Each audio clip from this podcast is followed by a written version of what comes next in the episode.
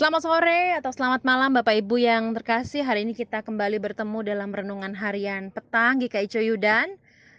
Edisi hari Jumat tanggal 7 Mei 2021.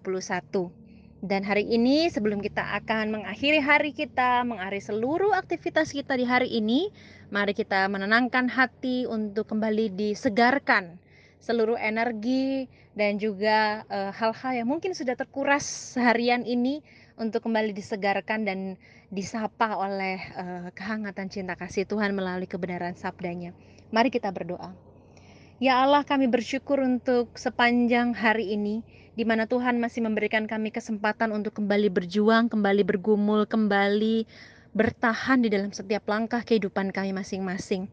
Tadi pagi kami sudah mendengar kebenaran sabdamu yang menolong kami untuk mampu yakin berjalan karena tanganmu ter, selalu terulur kepada kami. Dan sore serta malam hari ini kami akan mengakhiri hari di dalam keindahan cinta kasihmu yang juga akan menguatkan dan menyegarkan tenaga kami. Sapalah kami karena demi Kristus Yesus Juru Selamat kami, kami percaya bahwa Engkau mengasihi kami semua. Amin. Bapak Ibu yang terkasih, firman Tuhan terambil dari kisah para rasul pasal yang ke-10 ayat 34.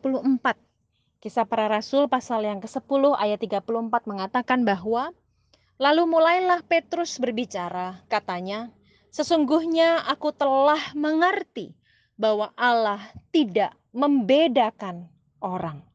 Bapak Ibu yang terkasih, ini adalah sepenggal ayat dari sebuah kisah panjang tentang bagaimana Allah sedang mendidik Petrus yang pada waktu itu masih mempunyai keyakinan atau prinsip bahwa Injil kebenaran Allah haruslah dipercayai dan diberitakan hanya kepada orang-orang Yahudi.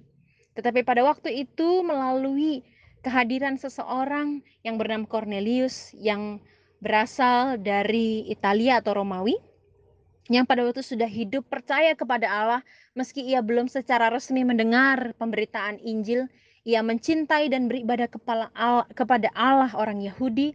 Dan pada waktu itu Yesus yang dengan kuasa rohnya mendidik Petrus melalui mimpi untuk mengatakan bahwa ia harus pergi ke rumah Cornelius untuk memberitakan Injil. Sebab Allah sendiri melalui mimpi itu melalui penglihatan itu menyatakan kepada Petrus secara singkat bahwa Allah tidak membeda-bedakan orang.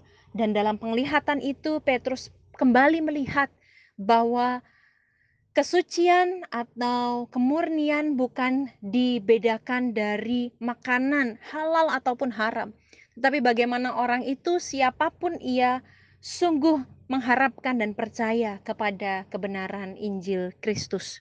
Sehingga ketika pada akhirnya Roh Kudus memimpinnya untuk pada akhirnya pergi ke rumah sampai ke rumah Cornelius. Ia melihat Cornelius bersama dengan keluarganya sungguh merindukan Injil Kristus diperdengarkan di rumah itu maka muncullah sebuah perkataan aku kini telah mengerti bahwa Allah tidak pernah membedakan orang.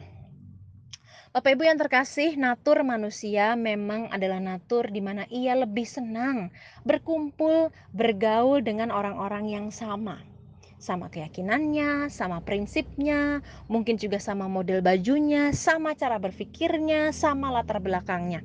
Apakah itu salah? Di titik ini tidak.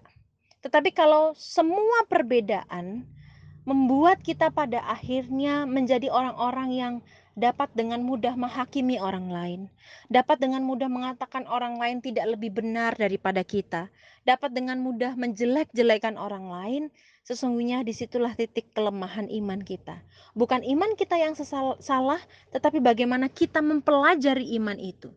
Petrus yang awalnya mempunyai prinsip yang ala rasa salah dan harus di, uh, dibetulkan dengan cara Allah yang begitu lembut mendidik Petrus, dan Petrus yang mempunyai kerendahan hati untuk tahu bahwa Injil Kristus layak dan diperdengarkan kepada orang-orang yang sungguh ingin mempercayai dan mendengar Injil Kristus.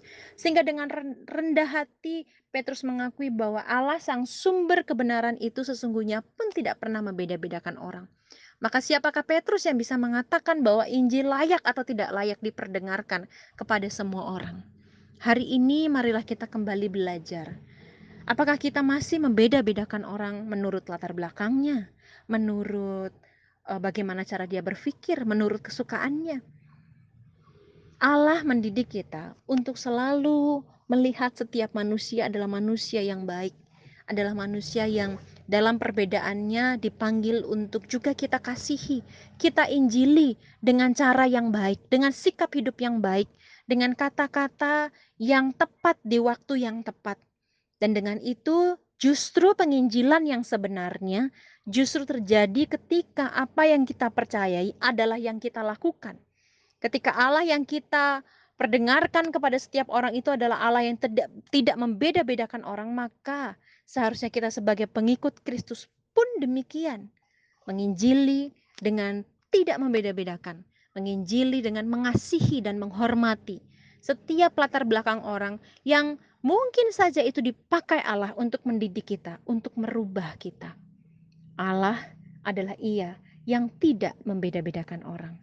Tidak terbayang kalau Allah membeda-bedakan orang. Saya tidak akan ter pernah termasuk bisa termasuk menjadi orang yang diselamatkan. Karena kalau Allah membeda-bedakan orang, ia sungguh tidak akan memilih saya. Tapi justru karena ia tidak pernah membedakan manusia ciptaannya, saya dan saudara-saudara termasuk orang-orang dan seluruh manusia di dunia ini adalah orang-orang yang ingin sekali Allah selamatkan dengan cinta kasih pengorbanannya di salib. Selamat belajar untuk mengasihi semua orang dalam keberbedaannya. Perbedaan bukanlah menjadi penghalang untuk kita tidak mengasihi. Perbedaan justru adalah tempat di mana penginjilan itu, kasih itu betul-betul harus dinyatakan. Tuhan memberkati dan menolong kita semua. Amin.